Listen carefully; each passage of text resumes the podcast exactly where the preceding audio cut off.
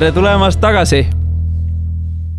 ohoo, kus te olite tere, tere et äh, see on episood number kolmkümmend seitse, teine osa.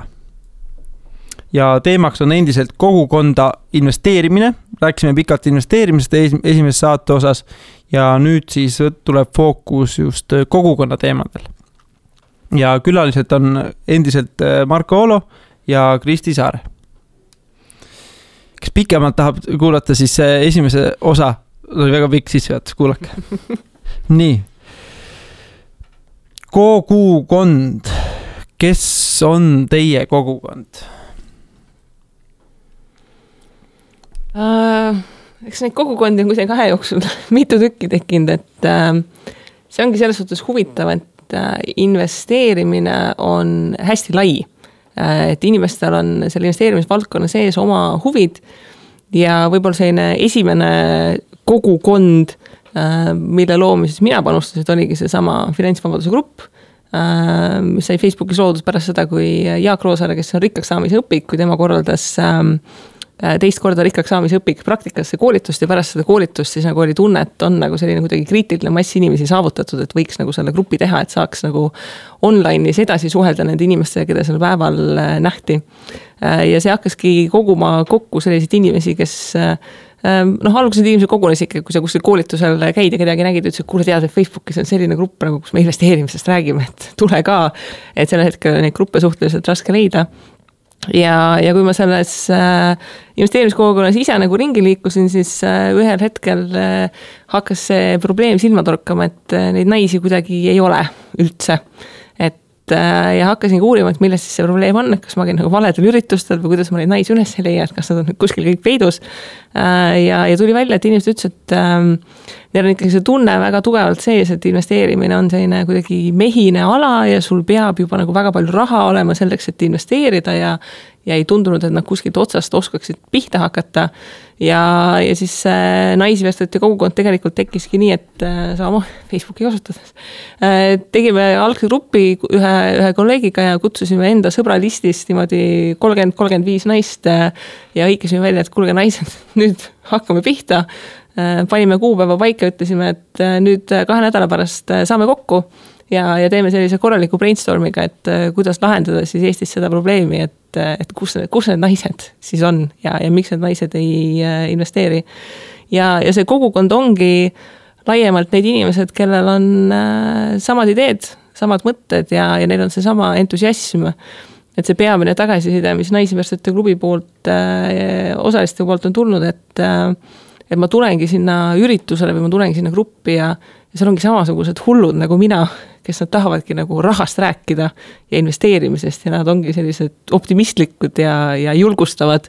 et äh, ei ole seda tavalist klassikalist, et kui äh, grillpeol võtad teema üles, et mis Balti börsil toimus, siis tuleb vastu, et ei no need Rootsi pankurid ja ei no see investeerimine on riskantne värk ja noh, igasuguseid huvitavaid muid lauseid, äh, mida ilmselt paljud teist on ka kuulnud, et et kogukond ongi need inimesed, kellel on on need sarnased eesmärgid ja, ja nad aitavad sind edasi.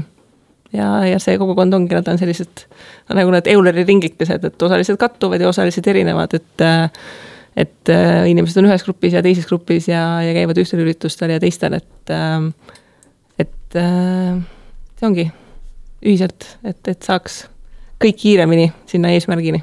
kui inimene, kuulaja nüüd tunneb, et ta on meesinvestorid vist sinna kuskile lastakse, et kui ta nüüd naine tahab investeerimis hakata, siis kus ta teid leiab äh,? trükkidagi sisse Naisinvestorite klubi, et me oleme selle nime all nii koduleht kui ka Facebooki grupp olemas, et äh, Eestis õnneks seda nagu, õnneks kahjuks seda muret ei ole, et ena, enamik märksõnu, mida me täna ütleme või need kogukonnad asjad, kui sa trükid Google'isse sisse, siis tuleb täpselt üks vastus mm. selle nimega, et ei ole võimalik nagu vale asja otsa kobistada kas sa palun saad korrata seda küsimust küsimus oli suunatud või mõeldud sellele, et, et paremini aru saada, et noh, kes ja mis on teie kogukond, sihuke ülevaade.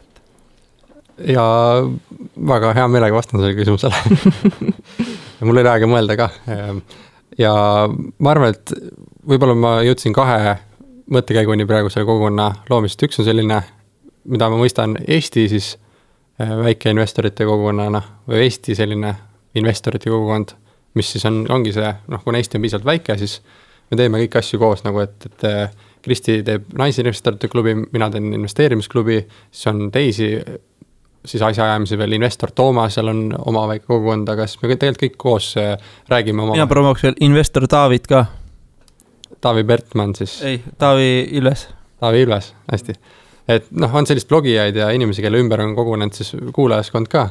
ja, ja tegelikult me omavahel räägime ka tihti ja saame kokku ja oleme näiteks täna siin koos ja, ja meil on selline Eesti kogukond ka tekkinud, kus teatakse, kes siis nagu veavad seda asja eest ja on inimesed, kes on huvitatud et see on selline Eesti kogukond, mida me tahame kõik koos siis arendada, kus me panustame kõik sisse ja siis äh,, siis on sellised väiksemad need äh, ringikesed äh, ka ja siis meil ja minul on, on pigem fookus sellel investeerimisklubil, mis siis äh,, kuhu võivad tulla äh, mehed ja naised, et äh, kõik on oodatud sinna ja siis meie võib-olla suund on see, et me oleme kogukond aktiivsetest väikeinvestoritest.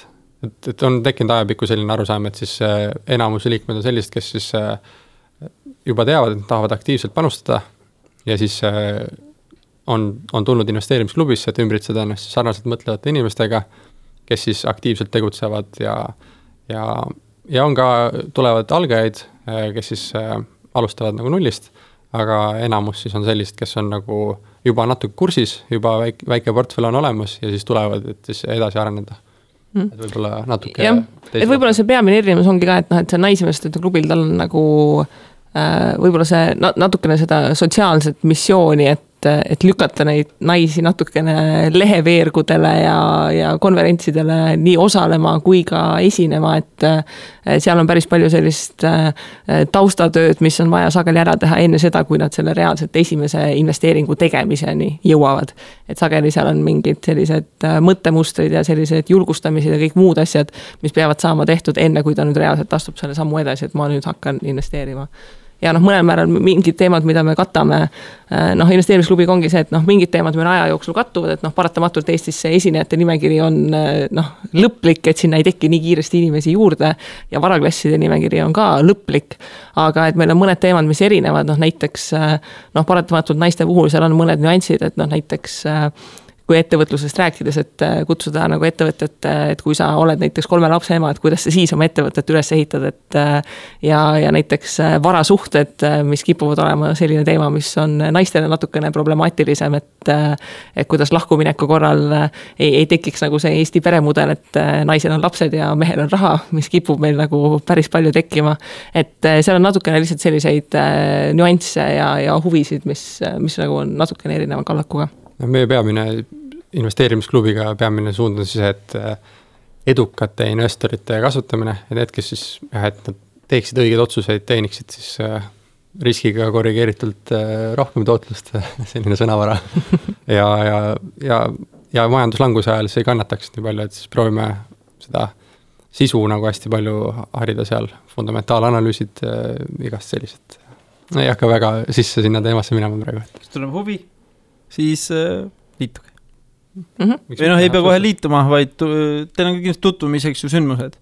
ja põhimõtteliselt äh, investeerimisklubi äh, igale üritusele ma võin tulla lihtsalt ju tegelikult selle korramaksu eest ka. jah, ja saab vaadata järgi Youtube'ist, kuulata Just. nendest podcast idest, enamasti saab teada, mis me teeme, aga siis. aga minge kindlasti koha peal, see annab palju parema tunnetuse. jah, sellest me räägime, ma arvan, et kas offline või online on ju kogukonna ehitamise osas, et kas see, mm, kumb tuleb enne, kana või muna, ehk siis kas on tegelikult, äh, inimesed on juba olemas. ehk siis tuleb ära taibida, mis on selle järg, mille järgi on vajadus ja siis selle ümber kogukond luua või kogukond luua, idee luua ja siis selle ümber inimesi koondada. saite aru mu küsimusest? No ega inimesed peavad äh, olemas olema, et tühjast õhust, et ma nüüd tekitan mingi ägeda grupi ja inimesed ilmuvad äh, ja neil seda tegelikult vaja ei ole, et seda, seda selles suhtes ei ole ähm,. ma arvan, et Marko saab investeerimisklubi kogemusest rääkida, et investeerimisklubi on ju ka tegelikult ju kaks korda käivitatud, et no ma arvan, et naisinvestorite puhul ka, et äh, kaks aastat varem näiteks ma ei usu, et naisinvestorite klubi oleks käima läinud sellepärast, et me ei olnud jõudnud äh, sellisesse noh, see sõltub natukene nagu majandustsüklist, et, äh, et mis hetkel inimestel on lihtsam alustada. et paratamatult sellel hetkel, kui, kui palgad tõusevad ja majandus kasvab ja, ja läheb paremini, inimestel tekib see mõte, et äkki ma investeeriks äh, natukene nagu kiiremini ja nende huvi süveneb natukene rutem. et sellel hetkel, kui majanduslangusega nagu kolmandat aastat allamäge sõita, et sellel hetkel hakata nüüd investeerimiskogukonda ehitama, et noh, nüüd hakkame seda raha mängu panema, et noh, ta, ta ilmselgelt ei toimi. kui siis on just kõige parem, eks. kuigi see on just kõige parem, aga noh, praegu ongi see, et, et väga suur osa sellest tööst, mida me teeme, ongi see, see põhja ladumine selleks, et noh, meie selle kogukonna ehitamise, selle edu mõõdik äh, on tegelikult see, et äh, kui palju inimesi on alles pärast seda, kui see kriis on nüüd üle käinud et kas need inimesed on piisavalt head finantsharjumused, piisavalt tugeva seljataguse ja, ja piisavalt mõistliku portfelli ehitanud, et äh, pärast järgmist kriisi nad on alles ja nad tulevad ikka siis üritustele, äh, mitte et nad äh, siis kiruvad, et noh, pagan, oleks võinud selle raha niisama tervisesse investeerida ja soojal maal käia, eks ju, et, et mitte investeeringutesse panustada. Salamisi tegelikult ootamegi, et tuleks see kriis, et esiteks invest-, investorina sa ootad kriisi, et siis odavalt osta ja teine on see, et, et meie kogukonna eestvedajatena tahame näha, et kuidas see, mis me teinud oleme siin tõusutrendis, äh, peab vastu ka siis, kui on äh, langustrendid. et kas investorid see, meie. jah, et nagu, et need praegu nagu, praegu on jube hea aeg hakata investoriks, sest põhimõtteliselt kõik pikas perspektiivis tõuseb. et aga siis just see, ütleme sõjaaja olukord, et mis siis tegelikult saab, eks ju. jah, et kas need strateegiad, millest me täna Eestis siin räägime, kas need peavad vastu, kas inimesed, inimeste psühholoogia peab vastu? Et see on see huvitav koht näha, aga aga küsimusele vastates mm, -hmm. et kuidas siis alguse sai? Et kumb tuleb, noh, et see oli ah, kumb tuleb ennem, jah? kumb tuleb enne, kana või muna? ma arvan, et see on nagu ettevõtlusega ja kõik teame vist, see startup indus on nii palju arenenud, kõik teavad, mis on MVP ja, ja mis see customer market fit on ja product fit on, siis ma arvan, et see kandub üle ka ilusti siia. kõik ei tea tegelikult, lihtsustada võib-olla seda, mis sa ütlesid. väga hea, lihtsustan, et äh, MVP on siis äh, minim-, minimum viable product ehk et kõige väiksem äh, töötav osake, siis suudab omaette elada, põhimõtteliselt noh, seda kasutatakse ettevõtluses, et sul on mingi toode või teenus, mis on hästi noh, kõige lihtsam toode ja teenus, mida juba inimesed kasutavad. ehk et kui minna sinna kogukonna loomisesse, siis äh, tulebki teha midagi väikest ja, ja ne, ne, vaadata, kas seal huvi on selle vastu, et nagu meie alustasime, siis me tegime ühe ürituse, me saime Tõnisega kokku ja mõtlesime, et, et võiks sellise ürituse teha, et meie ise tahame, meil on väike sõpruskond, kuni kümme inimest, kes tahaksid sellest teemast kuulda ja ehk on veel. siis tegime selle ühe ürituse, kokku kohale tuli nelikümmend viis inimest.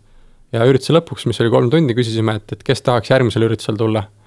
ja neist neljakümne viiest kõik ütlesid, et tahaks järgmisele üritusele ka tulla, nii tegime järgmise ürituse et, äh, et see ongi selline, et, et aru saada, kas see asi töötab nagu ettevõtluses, äh, sul on idee, äh, oled mees ja, või naine ja teed lihtsalt ära. ja siis näed, kui palju inimesi siis kaasa tuleb ja sellest õpid ja teed siis järgmise. et ei ole vaja ehitada kõike valmis infrastruktuuri, tervet kogukonda, mingi reklaame osta ja kõike ja siis lõpuks vaatad, et kedagi tegelikult ei huvitagi. aga see trend on kindlasti toetanud. jah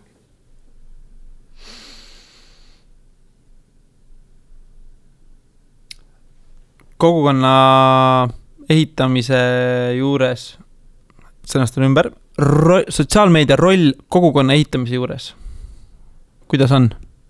ülimalt suur. jah, eks see noh, iga ettevõtmisega sul on vaja inimeselt saada mingit sellist uh, initial commitment'i, eks ju, et ta, ta annab sulle mingi algse märgi, et ta on huvitatud ja see, et, uh, et sa kas like'id mingit Facebooki lehte või sa join'id mingi grupiga, eks ju, Äh, see annab äh, sulle kätte selle kanali, et sa saad sellele inimesele mingisugust äh, informatsiooni jagada. et noh, Facebook on küll selles suhtes nagu problemaatiline kasutajamugavuse koha pealt, et selliseid gruppe ja arutelusid, noh, ta on selline veidi noh, ei toimi just nagu üleliia hästi, eriti kui grupid lähevad suureks, siis Facebooki nagu puudused hakkavad väga ruttu välja tulema. aga noh, naismeeste klubi puhul on see, et äh, noh, sa, sa oled, äh, noh, see newsfeed juba tükk aega on toiminud nii, et newsfeed'i pealt asjad nagu kaovad kuskile korstnasse, kui nad kuskilt page'i kaudu tulevad. et grupi puhul on see, et sellel hetkel, kui sa tahad selle infoga tegeleda, sa lähed sinna ja see info on sul olemas. ja kuna ikkagist väga suur hulk osa inimesi mingi aja Facebookis veedavad, et siis mida lihtsamini see, see kogukond või info on talle kättesaadav, siis seda suurem tõenäosus on, et ta võtab nüüd selle järgmise sammu ja selle järgmise commitment'i, et ta tulebki üritusele kohale või loeb midagi edasi või, või astub mingi sellise järgmise sammu. ma olen täiesti nõus, et kogukond koosneb inimestest ja sotsiaalmeedia ühendab inimesi, nagu me teame, ja kõik siis kasutavad sotsiaalmeediat, seega on mõistlik ka see kogukond siis mingil määral üles ehitada sinna sotsiaalmeediasse, kus, mida inimesed juba kasutavad ning siis nad saavad omavahel paremat sidet. on võimalik muidugi ka proovida neid sundida kuskile mujale minema kuid äh, kui su harjumused ei ole sellele vastavad seal käima, siis äh, tihtipeale võid sa lihtsalt ära kukkuda. et ma arvan, et teha seda sellise, selliste platvormide vahendusel, mida inimesed juba kasutavad ning luua mingi põhjus, miks nad siis peaksid kokku tulema ja omavahel rääkima. ja põhimõtteliselt, kui ka Facebooki võttes, ütleme selleks esimeseks platvormiks, et siis ta on ka grupi loomine või ülevalhoidmine on kõik ka tasuta, eks ju, et. absoluutselt, sa saad tegelikult ju ettevõtte või selle kogukonna kodulehe teha põhimõtteliselt Facebook on justkui koduleht ja brändi nägu, et mm -hmm. Facebook äh, iseenesest ongi kõige parem brändingu allikas, et, ennast nähtavaks teha mm. -hmm. siis sa saad sinna üritusi panna, sul on ürituste registration nii-öelda, see going ja interested äh, inimesed on seal olemas mm. -hmm. see grupp, kus inimesed suhelda saavad, noh, lõviosa asjadest on olemas, on väga vähe asju, mis sa seal teha ei saa mm. -hmm. mis oleks üks konkreetne tegevus kogukonna ehitamiseks? Äh, neid tegevusi on tegelikult äh, hästi palju, äh, ma ütlen võib-olla ähm, noh, investeerimine on natukene selline teema, kus inimestel nagu kulub natukene aega, et, et lahti minna ja, ja julgeda rääkida. et tegelikult näiteks Naisinvestorite klubi puhul alguses, kui see grupp sai loodud, siis ähm, Äh, mina ise pidin päris palju äh, ise postitama ja seda vestlust äh, käivitama, et, et inimesed julgeksid kuidagi nagu hakata sellest vestlusest avalikult osa võtma. et alati igas grupis on noh, väga palju neid inimesi, noh, et ma nüüd nagu vaikselt nagu loen ja uurin ja, ja seda, mis teised räägivad mm. -hmm. aga selleks, et kogukond hakkaks tekkima, sa pead suutma suurendada nende inimeste hulka, kes julgevad kas vestlusse sekkuda või vestlust alustada. et päris paljud esimesed üritused, mis me tegime, et ma ürituse lõpus rääkisin mõne konkreetse inimesega, et kuule, et kas sina palun äh, kirjutaksid nagu paari sõnaga lihtsalt kokku, noh, kokkuvõtte, et millest me rääkisime või et noh, et sul oli mingi väga hea küsimus, et äkki sa postitaksid selle ka, et teised saaksid ka lugeda. et äh, inimesed paratamatult äh, noh, selleks hetkeks, kui eestlane julgeb küsida, on vähemalt kümme inimest, kellel seesama küsimus on mm. -hmm. et äh,, et väga suur hulk selle kogukonna puhul on, on see õhkkonna tekitamine, et inimesed julgeksid küsida sellepärast et ega keegi ei taha ennast äh, rumalana tunda ja, ja raha koha pealt hästi paljudel inimestel on see tunne, et et äkki mul on ikka rumal küsimus, et nagu tegelikult äkki kõik teised teavad, et, et kuidas ma siis nüüd seda niimoodi avalikult äh, küsin. et, et selle õhkkonda tekitamine, et inimene, et okei okay,, et ma küsin ja see ongi normaalne ja ja teised julgevad vastata, et ma arvan, et see on nagu väga, väga selline võtmeroll, et asjad nii, nii online kui offline äh, toimiksid. mul on kaks asja lisada siia mm. -hmm. see on kõik väga õige Äh, mis me näinud oleme, on see, et äh, miks erineb see klubi tegevus äh, koolitustest, mis toimuvad, üksikutest koolitustest, on just see, et inimesed, kes koolitustel lähevad, siis nad kuulavad selle teema või seminari ära ja siis, kui nad koju lähevad, on nad justkui üksi, et neil enam neid inimesi ei ole seal ümber. siis hästi tähtis on, on see, et, et saaksid inimestega tuttavaks, kellega sa sellel teemal siis noh, sellel üritusel käisid või sellest teemast huvitud. et hästi oluline on see, et sa paned inimesed omavahel suhtlema, et nad tekiksid äh, head inimsuhted omavahel. ja siis sul on julgus ka, siis tekib see julgus, et sa äh, julged rääkida, julged postitada, sest tead, et me oleme juba sõpradega või noh, nende inimestega seda arutanud. ja nüüd üks asi, mida, mis loob nagu väga tugeva kogukonna, mida enamus võib-olla ettevõtted ka oma klientidega ei tee äh, mida meie närisime Tõnisega õnneks lahti juba, juba viis-kuus aastat tagasi, kui me ise olime ühe teise organisatsiooni liikmed, on tunnustamine. nimelt äh, tingimusteta tunnustada inimesi tehtud äh, töö eest ja tehtud panuse eest. sest investeerimine on ikkagi distsipliin ja selline suhteliselt äh, noh, pead aega sisse panema, teinekord raske ka, pead, ei saa osta asju, mida sa tahad osta. ja siis, kui sind keegi veel noh, tunnustab tingimusteta selle eest, et sa oled vaeva näinud siis sul tekib väga hea tunne sisimas. et sa tunned, et sa oled millestki osa, sinust hoolitakse äh, ja sul tekib see julgus, et, et siis teinekord tänada teisi inimesi ja, ja tekitab sellise väga tugeva õhkkonna. aga see peab, peab siis toimuma nii offline kui ka kindlasti online, et -hmm. sa pead inimestega tunnustama neid, vaadates silma ja, ja tõesti siiralt tegema seda ma arvan, see üks sotsiaalmeedia põhiväärtuste hulka läheb ka see siiras ja päriselt ka tänulikkus, see tänulikkus olemi-, tänulik olemine kui ka tänulikkuse väljendamine.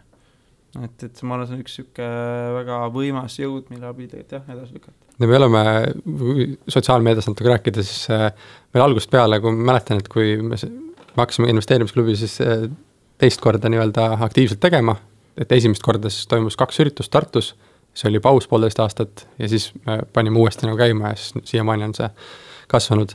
siis oli Facebooki lehel oli sada kolmkümmend kaheksa laiki meil, et iga ette, endast lugupidav ettevõte mõõdab oma edu siis Facebooki like idega aga igastahes meil oli sada kolmkümmend kaheksa laiki ja siis me otsustasime, et iga saja like'i täitumisel sellest hetkest alates me postitame mingi väärtuse postituse, kutsume neid väärtuse postitusteks, kus me jagame enda mingeid uskumusi ja väärtusi mm, -hmm. mis, millega me siis, äh, millega me jagame jah, väärtusi, millega inimesed saavad samastuda ja samas täname ka. ja iga saja like'i täitumisel me anname äh, sellele inimesele, kes selle like'i pani, selle sajanda like'i, siis anname tasuta võimaluse tulla kogukonda ja siis me oleme teinud seda, kuni nüüd on meil tuhat, kuus tuhat nelisada või kolmsada like'i, et me oleme siis teinud seda kuuskümmend kolm korda mm -hmm. vahet pidamata, et siis jagada oma väärtusi ja iga, iga väärtuse järel siis tänad kedagi lood sellist äh, sotsiaalmeedias äh, hästi võimas.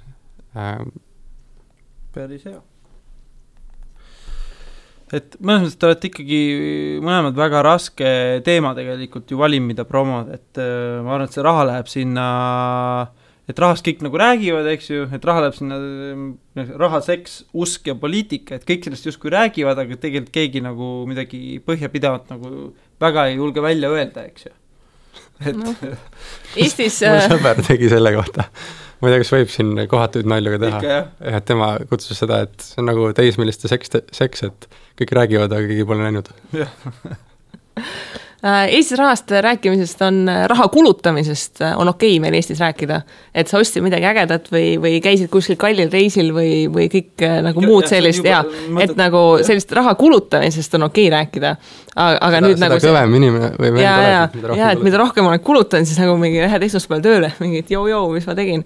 aga ja sealt edasi nagu, nagu süvitsi rääkida rahast on inimestel suhteliselt raske ja, ja noh, see ongi see investeerimise puhul hästi suur äh, probleem, et äh, et äh, noh, minust on nagu mingil määral saanud selline maskott investeerimismaailmas, et nagu noor ja naine ja õpetaja, noh, see on nagu selline ükssarvik põhimõtteliselt. ja on päris palju inimesi, kes on nagu hullult kurjad selles suhtes. et nagu noh, mis mõttes mingi õpetaja ja mingi noor, et nagu noh, et inimestel on nagu selline peas selgeks mõeldud, et selleks, et investeerida, peab mul olema väga palju raha ja mul peab olema väga palju õnne ja kõike muid asju. ja siis, kui mina ütlesin, ma alustasin kümnest eurost, sest rohkem ei olnud, siis inimesed on nagu sellised, et noh mis mõttes, et, et kui sa nagu tunnistad seda, et tegelikult saab pihta hakata mm, -hmm. siis sa pead endale nagu otsa vaatama, et miks siis ma ei ole teinud mis selle esimese kümne euro ROI siis on? see esimene kümme euro on miinuses, nagu ma ütlesin, see laen läks kolinal pankrotti, et, et aga jaa. ikkagi, ikkagi isegi meil on ju raske rääkida sellest noh, kulutamistest on lihtsam rääkida, aga näiteks võitudest ja portfelli suurusest on ikkagi, mida edasi lähed, seda noh, ei taha väga rääkida, et, et kes teab, Maksuamet kuulab või ei, selle, sa teed, ma korraks toon selle teema, et kuidas nagu, ma panen seda tähele küll, et noh tulles jälle krüpto mainimise kohta, et, et on ähm,, on inimesi, kellel on utoopilised summad, eks ju, ja nad ei räägi sellest tavaliselt. et, et mingist piirist vaata tuleb see ette, et nagu kui, kui sul on võib-olla räägid tuhandest või kümnest tuhandest, siis sa veel nagu räägid, aga kui asi läheb võib-olla sajadesse tuhandesse või miljonitesse, siis tegelikult enam nendest numbritest ei räägita, eks ju. et see pool on ka niisugune, et noh, või siis tuleb, räägib äh, see blank out, mis ta on nüüd, kes Rutermanni kvartaliga tegeleb? Sõõrumaa. Sõõrumaa jah, tema võib rääkida oma sadadest miljonist, eks ju, aga niisugune tava investor või, või sihuke LHV, kes on LHV klient ja neil on miljon pluss, eks ju, tema tegelikult ei räägi oma võitudest, eks ju. No ma ei tea, aeg, aeg-ajalt ikka korraldatakse mingeid üritusi, viimati ju Lõhmus millegi rääkis, et alla miljoni ühtegi projekti ei pane, et ei ole mõtet. Mm.. aga see on jälle see Sõõrumaa kant.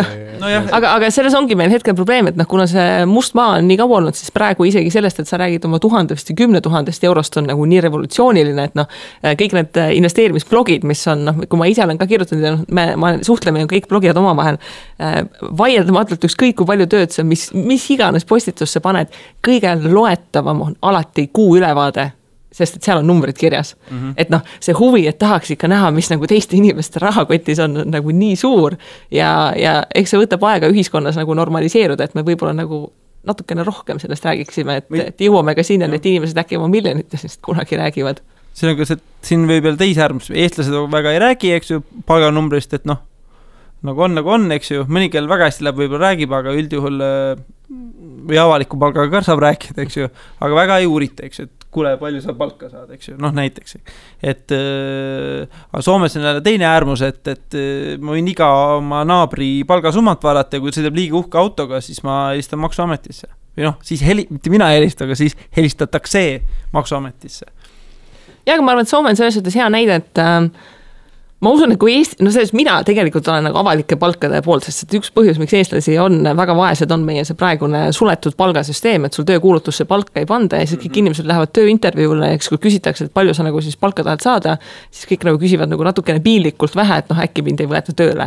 et selleks hetkeks, et inimestel tekiks mingi julgus nagu palka küsida, nad peavad tegelikult teadma, et kui palju siis palka makstakse. Mhm. ja mina olen äh, mitu aastat oma elus töötanud õpetajana ja, ja õpetajana on minu palk selles suhtes teada, sest et see on riiklikult määratud, kui palju mul palka saab maksta.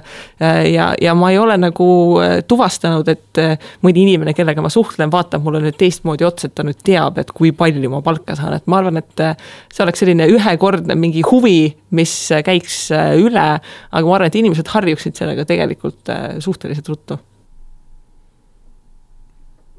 mul ei ole siinkohal väga midagi lisada, et. see on see eestlaslik kadedus või midagi muud või liialdan praegu, ma pole. ma arvan, et eestlased päris nii lootusetud ka ei ole. nojah, loot-, lootus on hea või suu- äh,, suund, kõik on hästi nii ähm,, mis on suurim väljakutse seni olnud kogukonna arendamisel ja selle turundamisel? Äh, ma arvan, et meil siinkohal on, kuna meie kogukonnad on erinevad, meil on suhteliselt erinevad probleemid, et ähm, äh, naisinvestorite puhul me kasvasime liiga kiiresti tegelikult. Hmm.. et äh, me alahindasime alguses tugevalt, et kui palju neid naisi on, kes tegelikult tahaksid midagi teha.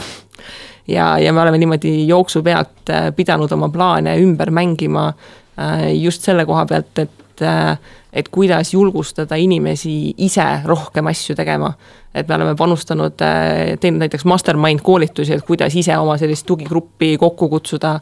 ja me oleme aidanud käivitada nagu erinevaid piirkondi, kuhu me ise noh, lihtsalt reaalselt füüsiliselt sa ei jõua igale poole koolitusi tegema.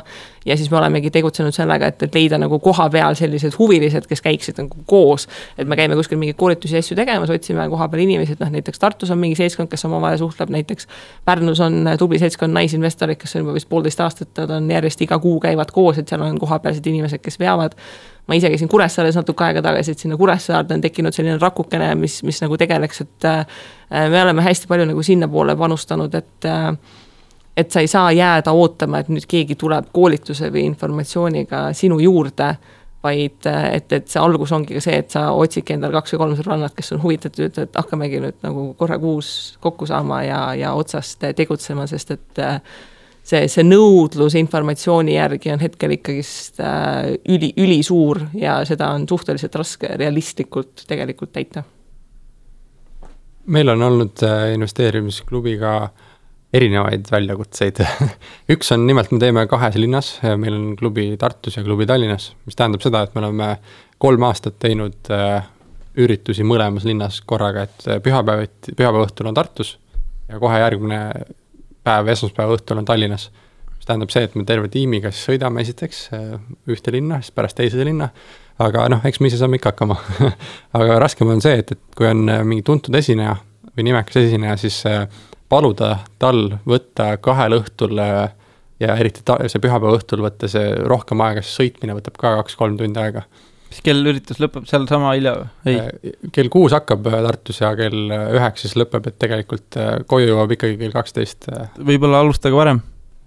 võib-olla, aga siis jälle inimestel on pühapäeval mingid omad tegevused hommikupoole, et siis me oleme jäänud selle aja peale, aga jah, et siis, et esinejad võtavad selle tohutu aja enda graafikust ja on nõus tulema siis Tartusse ja pärast siis ka Tallinnasse ja rääkima sama asja kaks õhtut järjest. et see on alati olnud väljakutse ja me oleme sellest väga oskuslikult kuidagi õnneks ära navigeerinud ja hakkama saanud, et siis mhm. suhtlenud inimestega ja, ja alati kutsume need Tartus siis äh, lõunale enne üritust, et saaks nendega rohkem tuttavaks, pluss nemad saavad siis äh, keha kinnitada ja on selline, ehitame suhted ülesse. Äh, see on olnud üks väljakutse, teine on see, et me oleme klubi nagu organi-, orgaaniliselt kasvatanud, et meil seda suurt kasvuraskust otseselt olnud ei ole, aga, aga selle juures liikmete arv aina kasvab ja, ja üritustel osalejate arv kasvab, see tähendab, et me oleme välja kasvanud ruumidest ja pluss äh, meie üritused on suuremaks läinud, seega organiseerijaid ehk tiimi on vaja rohkem inimesi ja kui tiimis on, meil on vabatahtlike tiim, äh, kus oli mingil hetkel seitseteist inimest ja kuidas manageerida siis seitsmeteist vabatahtlikuga tiimi, et nad oleks kõik motiveeritud, et neil kõik, kõigil oleks huvitav, et nad ise õpiksid, siis äh, see on selline hea juhtimisülesanne organisatsiooni sees.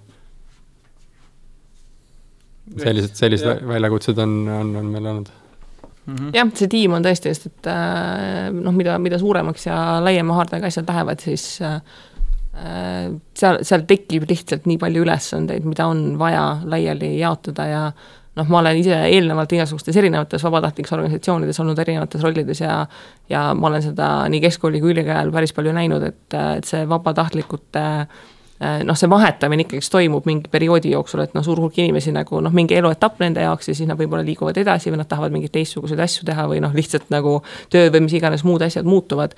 et, äh, et selline noh, see challenge võib-olla, et sellist teadmiste pagasid ka tekitada, et kui sul tuleb uus inimene tiimi, et talle siis noh, õpetada selgeks, kuidas asjad, asjad käivad ja et sul on nagu mingid süsteemid juba, juba paigas, et et noh, ongi see, et kui sul on üks kindel partner, kellelt ruume võtta, et noh, et sa ei pea iga kord hakkama mõtlema, et mida ja kuidas ma talle kirjutan, eks ju, ja sa võtadki nagu täpselt üks, kaks, kolm, nagu need on need sammud, mis sa teed ja, ja organiseerid asja ära, et et sellist automatiseerimist, et äh, et noh, alguses me tegutsesime noh, näiteks kasvõi piletimüük, eks ju, et äh, ma ei tea, kuidas te päris alguses tegutsete, aga meil oli alguses tegutsemine et inimene tegi pangaülekande ja siis ta kirjutas sinna selgituse, et mis asja ta nagu ostab, eks ju, siis keegi pidi käsitsi vaatama seda pangaülekannet, eks ju, et ja, tegema siis nimekirja ja siis selle nimekirja alusel nagu kontrollima, kes tuli, eks ju, ja siis mõni inimene nagu alati tahtis maksta ukse peal või enam-vähem, ma tegin ülekande mingi viis minutit tagasi nagu siia tulles, eks ju, et nagu kas mind ei olegi kirjas.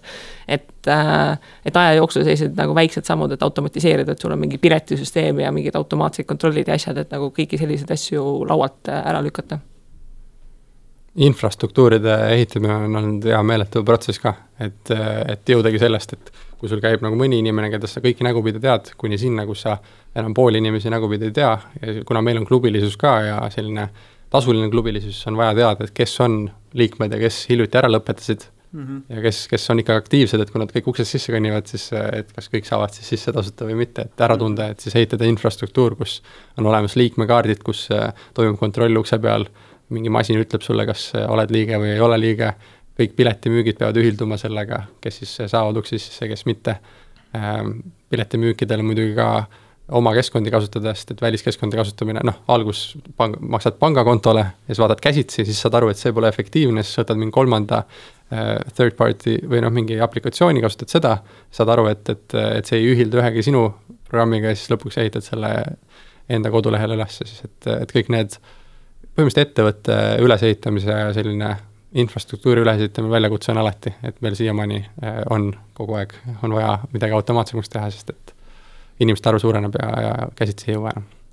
Võib-olla siin kuulajaid mitte ära hirmutada, et lihtsalt, et alguses on võimalik kõike teha käsitsi ka ja kui läheb piisavalt suureks ja tekib ka kassavoog, hea, rahavoog. hea probleem, mida omada, on ju. jah, et siis, siis äh, on see pigem ju tore, eks no eks ongi see, et sa võtad selle hetke analüüsiks, et kas ma automatiseerin selle asja ära, et kui palju tunde ma sealt säästan versus see, et ma teen teda võib-olla natukene kauem käsitsi mm. -hmm.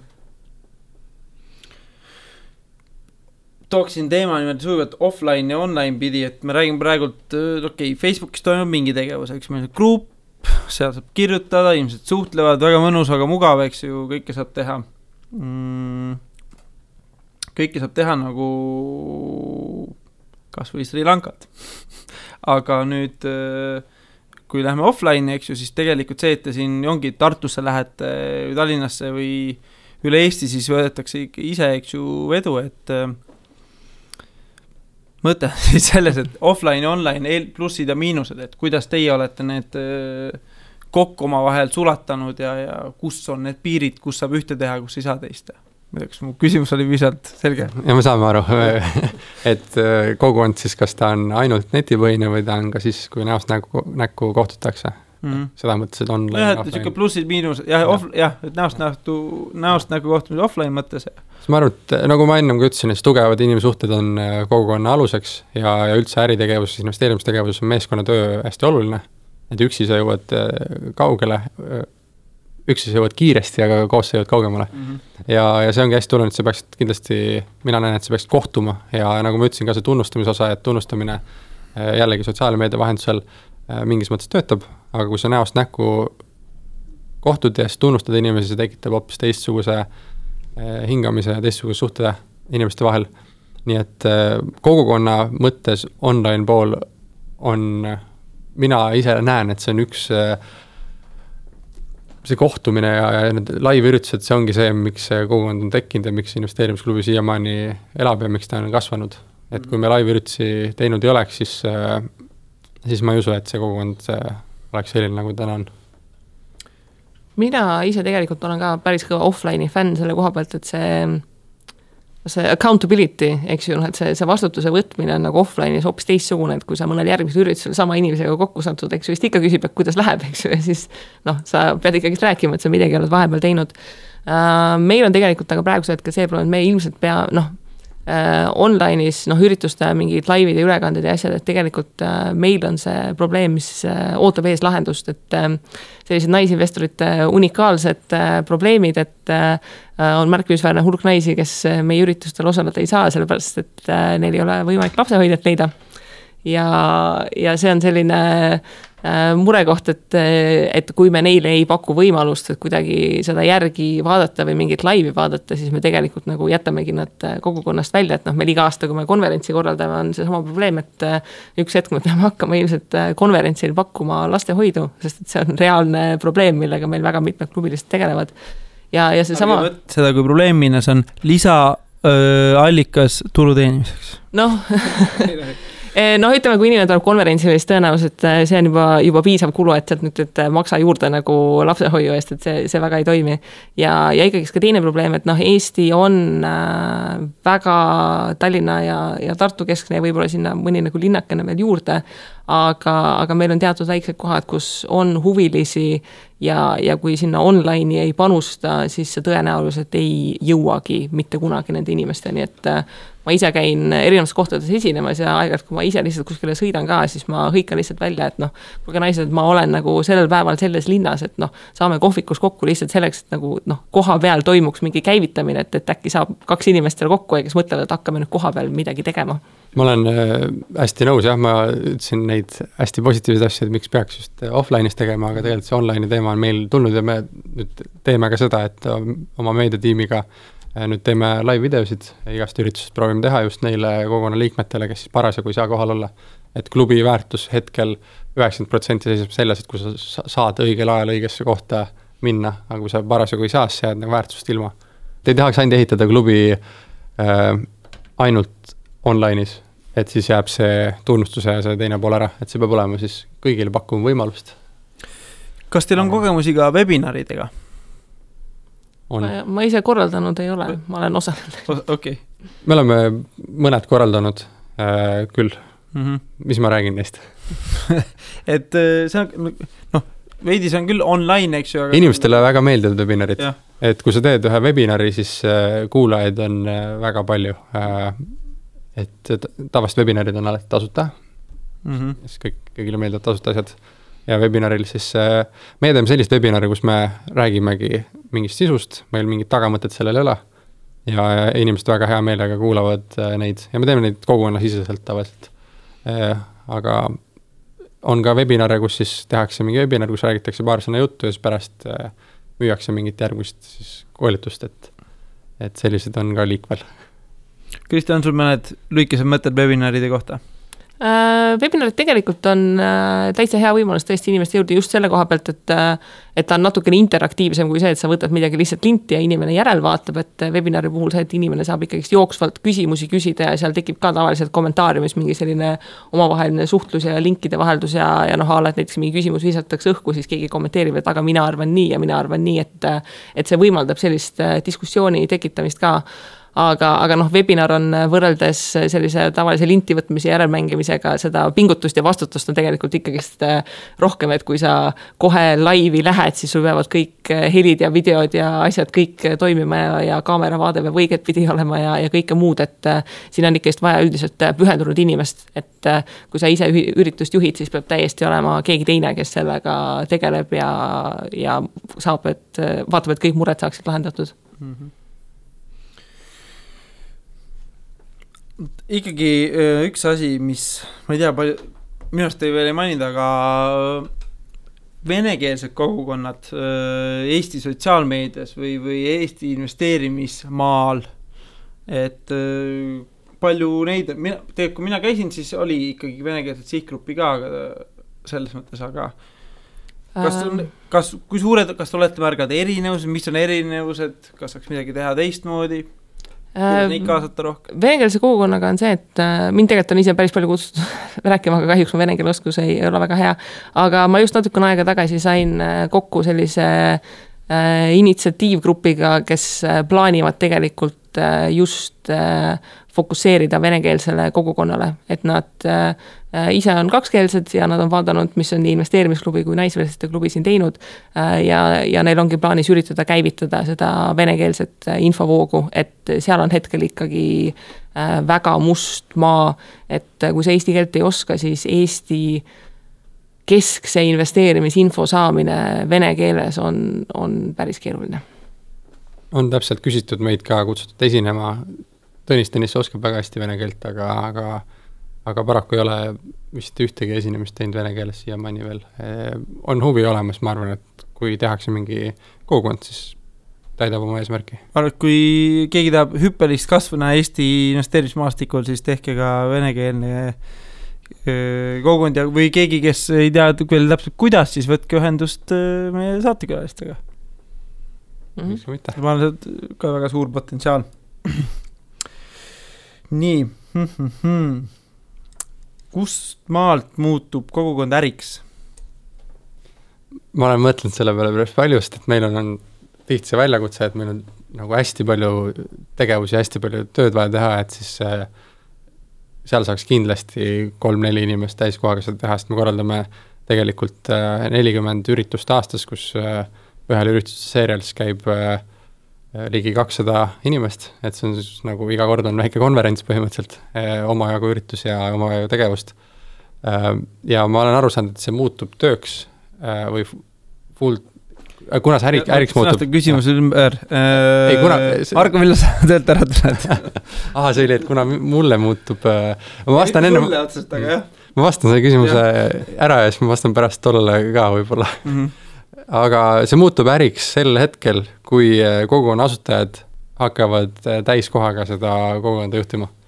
ja see on meie üks eesmärke olnud, et me proovime seda mitte teha, et see kogukond peab olema alati selline hobi korras tegevus, siis see tundub kõigile kogukonnas eh, käijatele ja liikmetele ka selline mõnus hobiasi, mitte et nad on kohustatud seal full time olema, sest et kuigi mina kui asutaja või Tõnis kui asutaja või meie tiimiliikmed on siis täisajaga kogukonnas ja toodavad selle, postitavad ja, ja loovad content'i, siis mul on tunne, et kõik väsivad ära. sinuga siin kaasas praegu. jah, keegi oleks siin kaasas mingi ja, ja siis äh, lihtsalt äh, kogukond väsiks ära, et, et keegi liiga palju toodab peale ja see kuidagi kaotab selle, selle hobi investeerimise või retail investori maigu ära, et siis ma arvan, et seal on ka see, et äh, sa tegelikult lihtsalt päri-, noh, sa põled läbi, kui sa nii täie auruga paned, sellepärast et äh, sul on vaja kuskilt saada inspiratsiooni ja mõtteid ja teistsuguseid kogemusi. ja kui sa sellest investeerimismaailmast üldse välja ei astu, siis mingi hetk tekib selline kõlakambri efekt, et sa oledki täpselt selle kahe koma viie protsendi hulgas, kes arvavad, et investeerimine on täiega äge.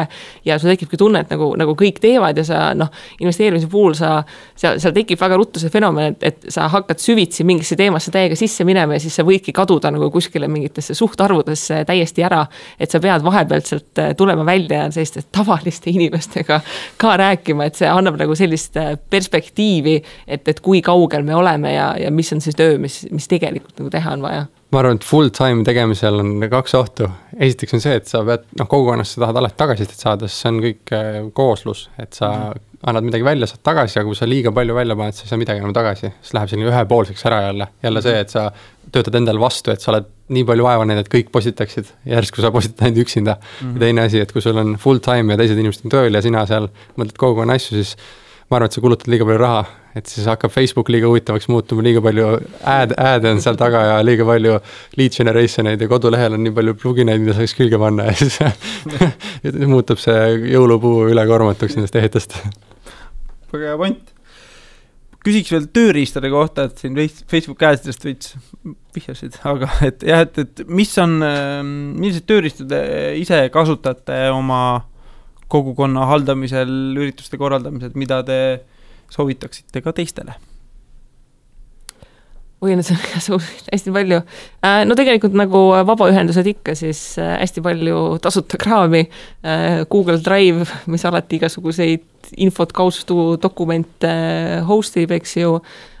Siis meie oma tiimiga kasutame suhtluseks Slacki selleks, et Slacki on võimalik ka jooksvalt igasugust dokumentatsiooni, erinevaid teemasid ja, ja asju tekitada ja, ja koduleht jookseb meil nagu enamik kodulehti Wordpressi peal.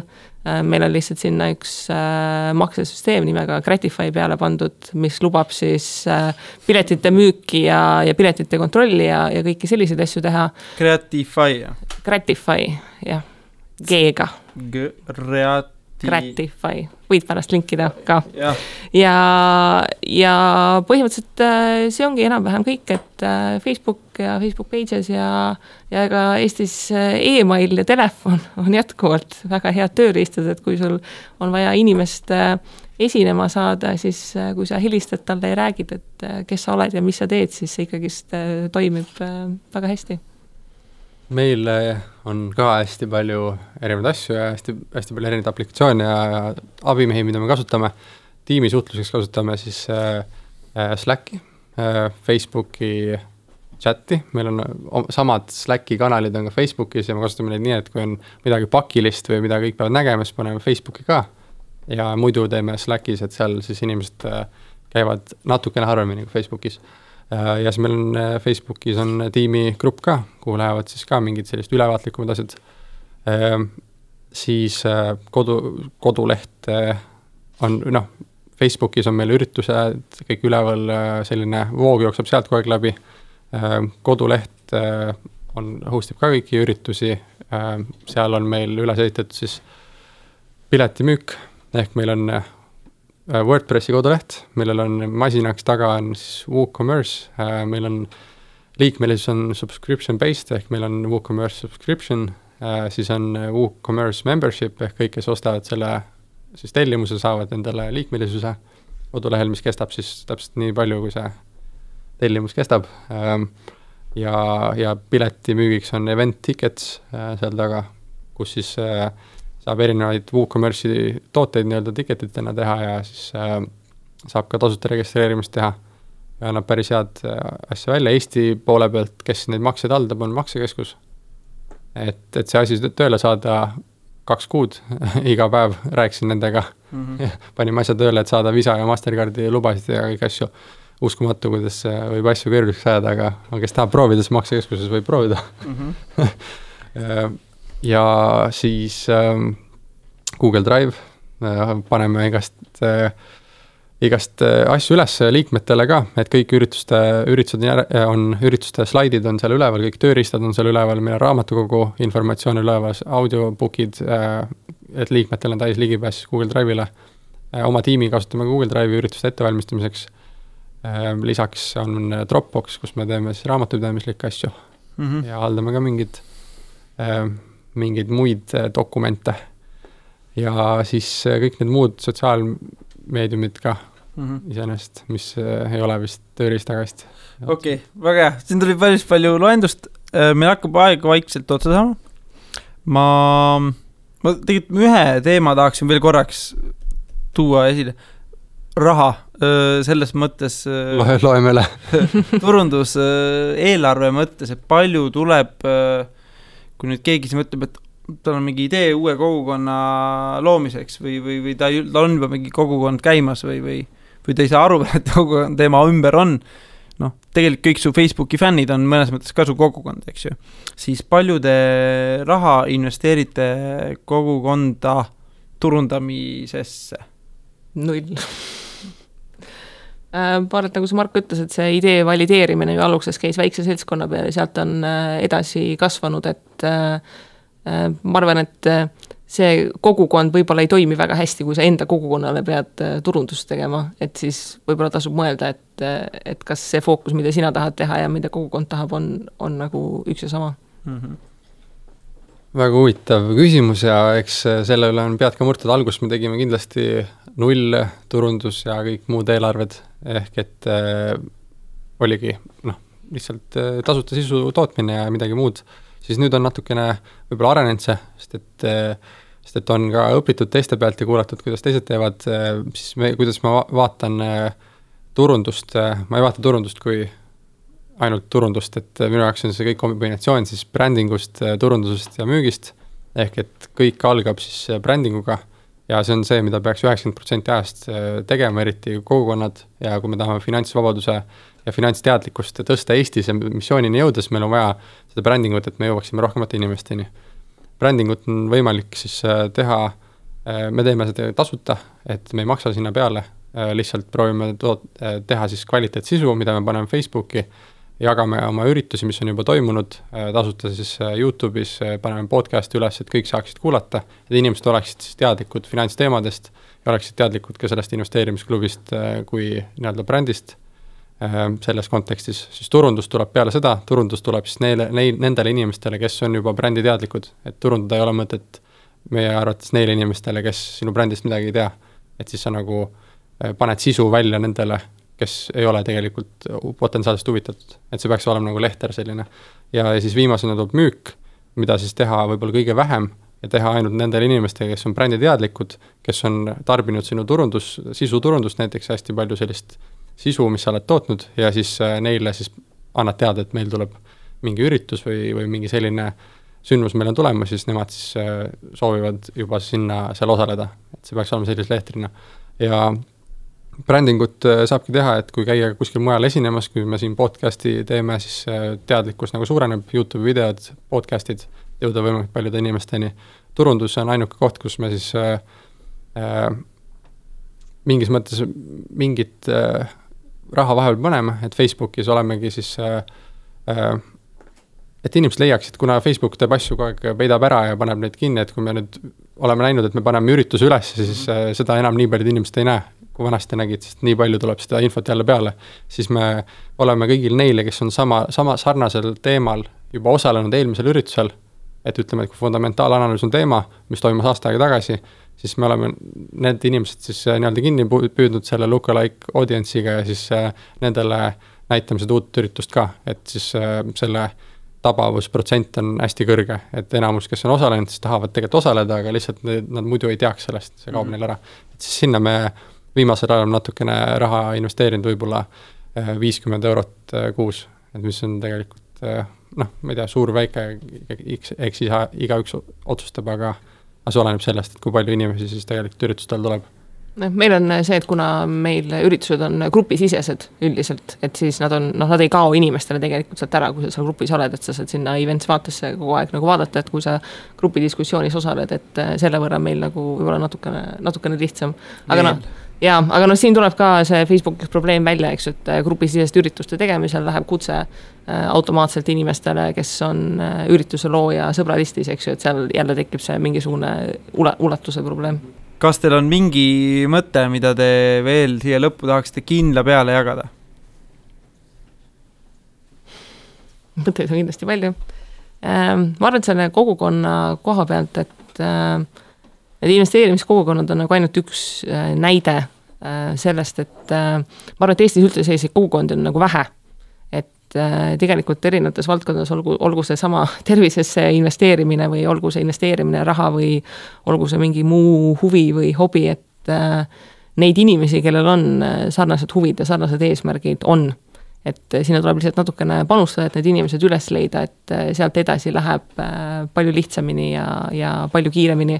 ja kuigi me siin tõesti saate lõpuks jõudsime igasuguste äh, tehnoloogiliste abivahenditeni ja selleni, et tegelikult see, see ajakulu läheb väga suureks, siis on võimalik tõesti alustada niimoodi, nagu, nagu ka meie ju tegelikult alustasime, et enda sõbralistist, et kuulge, et kellel on huvi ja, ja saame kokku ja, ja hakkame pihta ja vaadata, kuhu siis asi sealt edasi kasvab jah, minu üks, mis ma juba varem ka mainisin, selline soovitus on see, et, et siis kui sul on millegi vastu huvi, tahad parandada midagi, siis hakka jälgima, kuidas sul praegu läheb nende asjadega.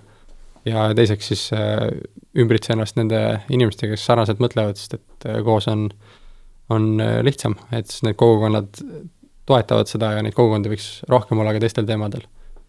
ja ma arvan, et on ka, võib-olla me oleme ise lihtsalt siin mullises täna. jah nii, nüüd ma panen Kristi sooviloo, milleks on siis äh, Guano Apes äh, Big in Japan. ma, ma mõtlesin, et ma ei taha nagu mingit väga rasket rokki valida, sest et äh, ma ise tegelikult kuulan energiaks sellist suhteliselt rasket rokki ja siis ma mõtlesin, et selline midagi kaheksakümnendate ja, ja tänapäevase sellist vahelist kaverina võiks sobida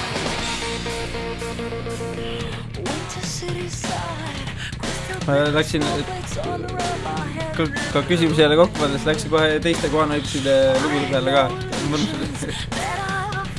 see ongi vaata tööd tegemisel, et vahest on vaja midagi sellist malbet ja vahest, kui on nagu energiat vaja, siis noh, on vaja midagi sellist, mille puhul keerad nagu heli natukene kõvemaks ja.... mis see teine valik oli, mida sa ei tahtnud äh, välja tuua uh,? Uh, uh, uh, mida ma praegu kuulan uh,? Äh, no näiteks äh, suvel tuleb äh, Kill Switch Engage tuleb Eestisse, nemad on sellised nagu noh, ikka korralikuma, raskema nagu roki esindajad. ja minu Majestic Casual'i ka ei lähe samasse žanrisse. no saab ikka, sa pead igaks hetkeks oma asi.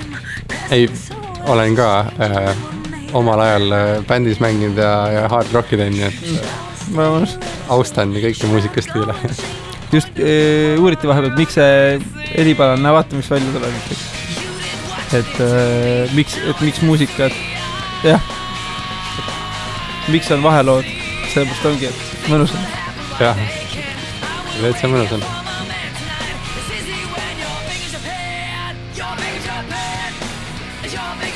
mõne võtab ka ikkagist hea käima, jah.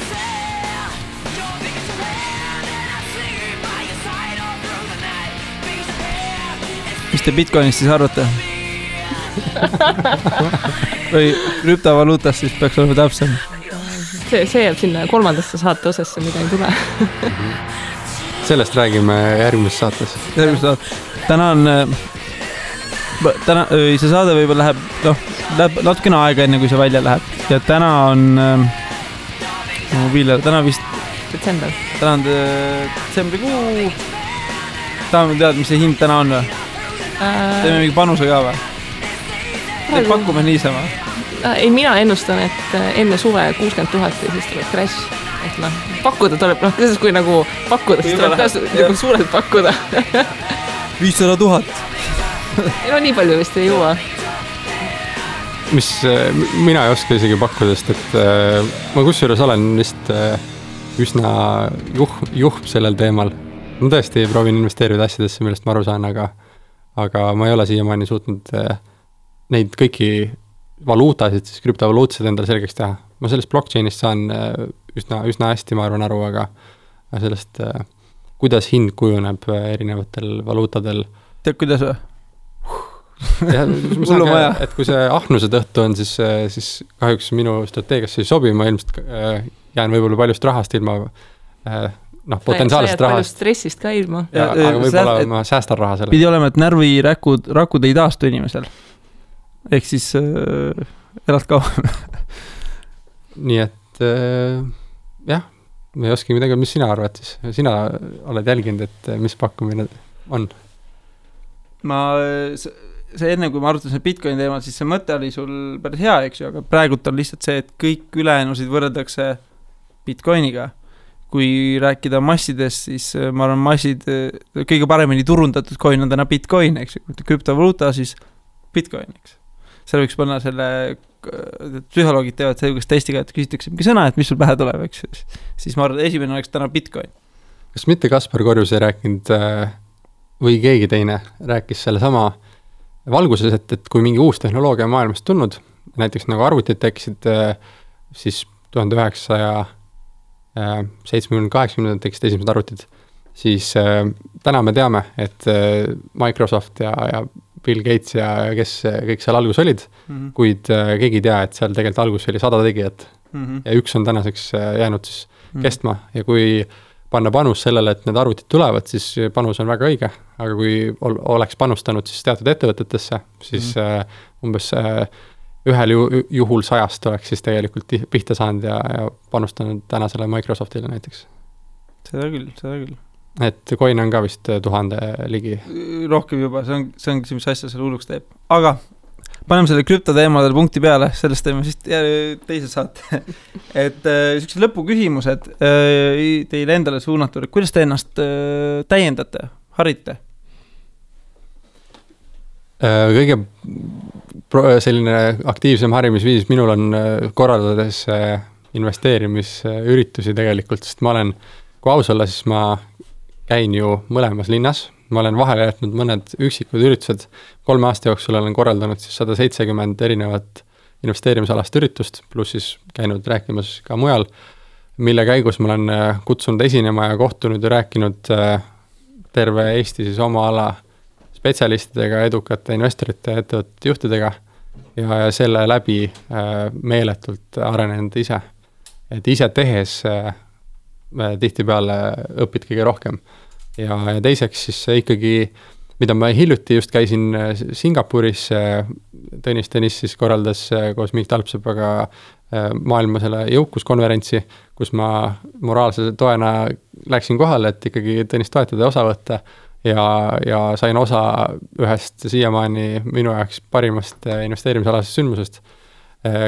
kui ma muidu arvasin, et, et konverentsil käimine on selline äh, meelelahutuslik tegevus, et lähed sinna, istud seal kaks-kolm päeva ära ja siis lähed koju ja oled äh, nagu sotsialiseerunud, natuke raha raiskanud, siis äh, ma sain aru, et rahvusvahelistel konverentsidel peaks rohkem käima, sest see, mis sealt kaasa sai, äh, on tegelikult uskumatu. see paneb perspektiivi selle, kuidas me Eestis asju näeme siin toolil istudes mm -hmm. ja tegelikult, kuidas äh, maailmas asjad käivad investeerimisvaldkonnas näide, et kui meie räägime siin äh, täna siis Balti turul investeerimisest või siis kui juba olla natukene riskialtim, siis võib USA turule ka minna või mõelda suuremalt, siis läheb USA turule ja kui kuulata maailma parimaid ja varajuhte, kes on teinud parimaid tulemusi, investeerimispankureid ja, ja parimaid investoreid, siis äh, keegi isegi ei maini USA ega Euroopa aktsiaturge, vist ei mainigi mm, -hmm. et see ei ole nende jaoks isegi teema mm, -hmm. aga meie siis arvame, et see on suur teema, et siis käia välismaal ka ja kuulata, mida, mida välismaalased räägivad, et niimoodi olen harjunud ennast jah, et noh, vaata, kui sa ise kogukonna lood, siis sul on see eelis, et sa saad natukene valida, et keda sa esinema kutsud. Aga mina ka äh, loen eelkõige äh, ingliskeelset materjali, et äh, äh noh, USA finantsvabaduse see idee ja kogukond on äh, Eestist, äh, ma ütleks, suurusjärgus kümme aastat ees nende ideede koha pealt, mis meile on jõudnud ja selliste teatud sellise äh, paradigma muutusteni, kuhu, kuhu me ei ole veel jõudnud, et me oleme nii, nii väga alguses veel, et äh, et sa pead kuskilt nagu natukene selliseid järgmise taseme ideid lugema selleks, et sul tekiks see mõte, et nagu mis, mis siin hetkel on, on tehtav ja, ja kuhu me võiksime tegelikult jõuda. et mis on see üks harjumus, mida te iga päev teete ja soovitaksite teistel ka teha?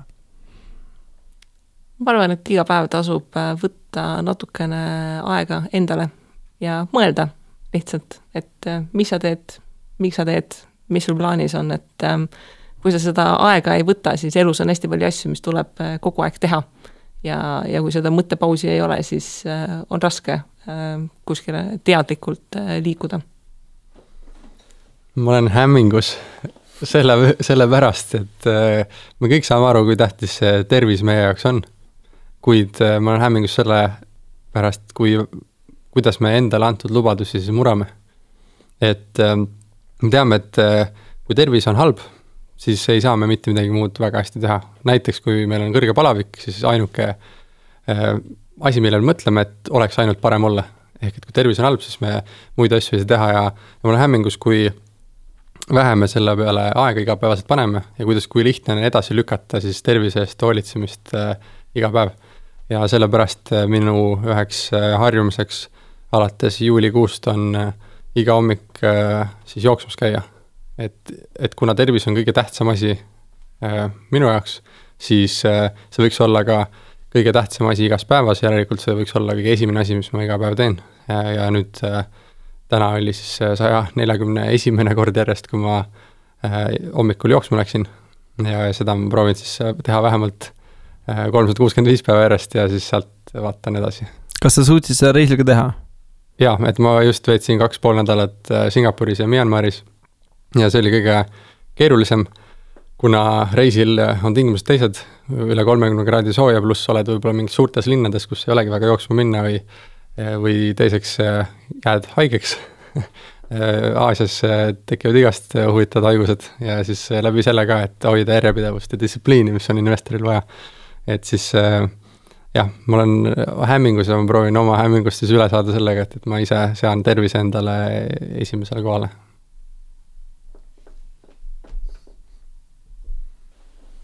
millisena te näete maailma kahekümne aasta pärast? nüüd läks nagu filosoofiliseks see lõpp siin. ma ei tea, eks ta selline ole, nagu me ise tee.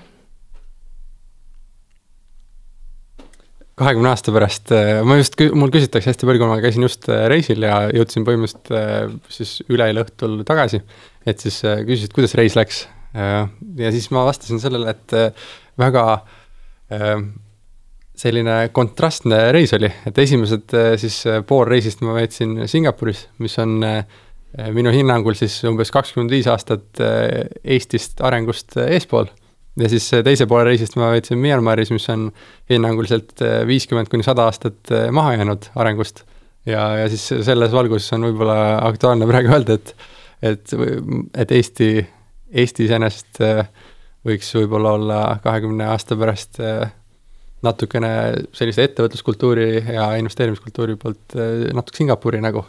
ja, ja kuidas nad siis hoolitsevad oma äh, ühiskonna ja, ja, ja süsteemide eest, et oli muljetavaldav näha. üks tegevus, mida meie kuulaja pidi juba eile tegema juba eile pidi tegema, eks ta pidi investeerimisega kõik alustama. ja noh, nagu see on see, et äh, puu istutamiseks parim aeg oli kakskümmend aastat tagasi ja, ja paremuselt teine aeg on täna. Ehk siis investeerimisega on samamoodi, et kui praegu veel alustanud ei ole, siis, siis täna on ka võimalik, et üks hetk vaatad tagasi, et sai tehtud mm. -hmm.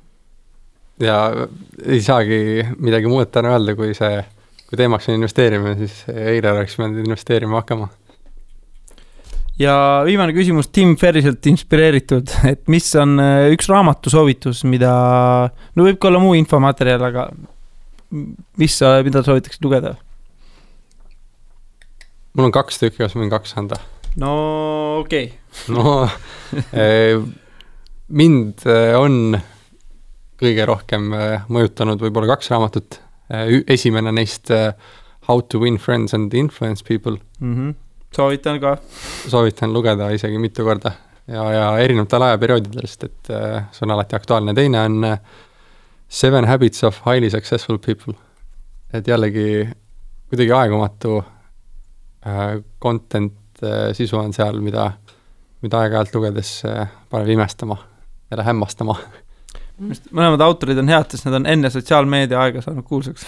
Siis palju sisukama raamatut kirjutati okei okay,, nii, nali naljaks uh,. Marko Ühemaa soovituse võttis ära, aga võib-olla selle How to win friends and influence people sinna juurde, teine raamat uh, võiks olla Never eat alone uh,, Heath Ferrisi oma, et uh, Äh, nagu me oleme ka välja toonud, investeerimine on meeskonnasport ja, ja neid inimesi tasub leida, et, et sealt raamatus on võib-olla selliseid äh, praktilisi mõtteid, et, äh, et kuidas enda tutvusringkonda arendada ja kuidas neid inimesi leida.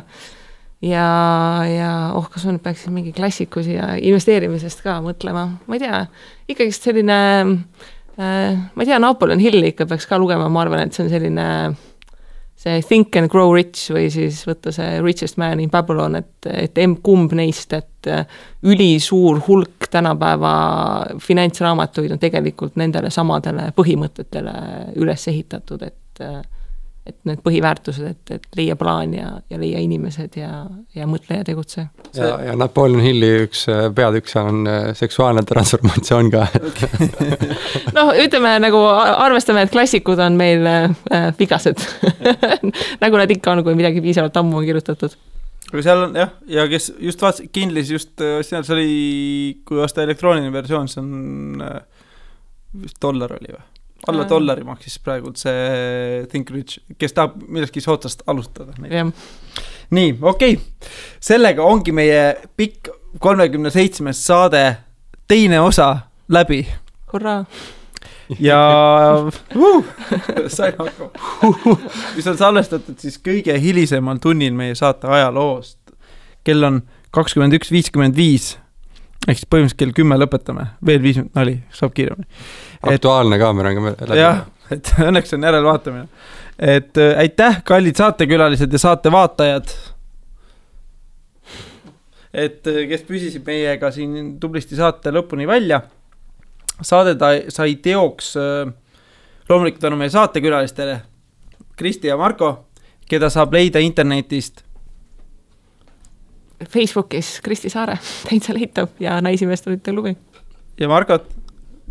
Mind äh, saab ka leida Marko Oolo nimelt, äh, olen ainulaadne Eestis selle nime all ja investeerimisklubi.ee ja veneheategu.ee, investeerimisinstituut.ee Need lähevad äh, ära võetud, nii, panen nüüd kirja. nagu see Eestis on hea lahendus, et M-Kuum meist Google'isse sisse trükkida ja siis kõik need aadressid jooksevad järjest ka välja.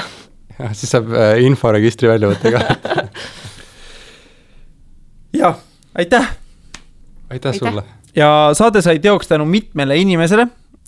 Meie saatekujunduse eest vastutab Marleen Urboja, heli eest hoolitseb Hendrik VR Lakeside Soundist ja pildi toob teieni Ahti Kaskpeit Meediusest.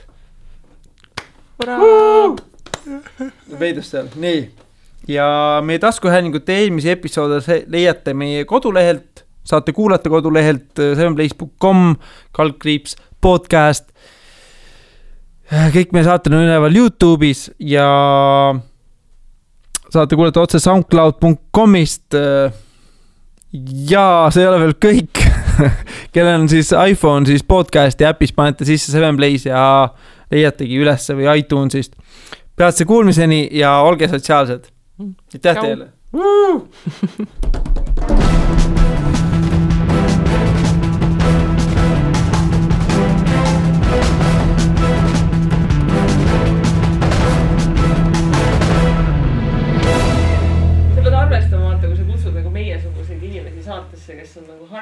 et meil on nagu no problem, et me võtame saate üle ja me räägime nagu selles suhtes. aga ma arvan, et on okei okay., ma ei tea, kui palju see pikk see teine osa tuli. milline teine peale seda esimest äh, soovilugu. ma ei oska ütelda, et kaks, kaks null kuus on praegu. okei okay., no siis pole kõik maha. see ongi tunnised. jah, et kaks tunnist saadet põhimõtteliselt. ikka päris pikad saated, tavaliselt on lühemad. nüüd peaks veel tegema, ei viimane, ma olengi lappama läinud, et äh, no ma mõtlesin, ma teen niimoodi, et ma teen, et läks pikaks eelmine kord, et nüüd teen siis äh,. kaks osa. kaks osa, nüüd läks nagu veel pikemaks kaks osa täispikkusega. vähe turris või? sihuke. uh, aitäh teile. no aitäh. väga rets, nüüd on äh, uneaeg vist või? kaks tundi panite saadet või? jah tuleb ka, tuleb lõik-, ma arvestasin selle lõikamise osa ka sisse. kuhu suunda sa liigud? ma lähen Luise tänavale. ma arvan, et ma saan selle ära võtta. kas sa tahad? see oleks tore, ei ma mõtlesin, ma pakun, et ma pean taksot sõitma autoga, et siis. autoga jah. kummast käest? aitäh sulle. aitäh oo, kuule, see on väga hea slogan. jah, et kui äh, ka hea, et äh, hetkedel, kus otsid inspiratsiooni, siis süütage ünad. vasakust niimoodi. vasakust. aitäh sulle.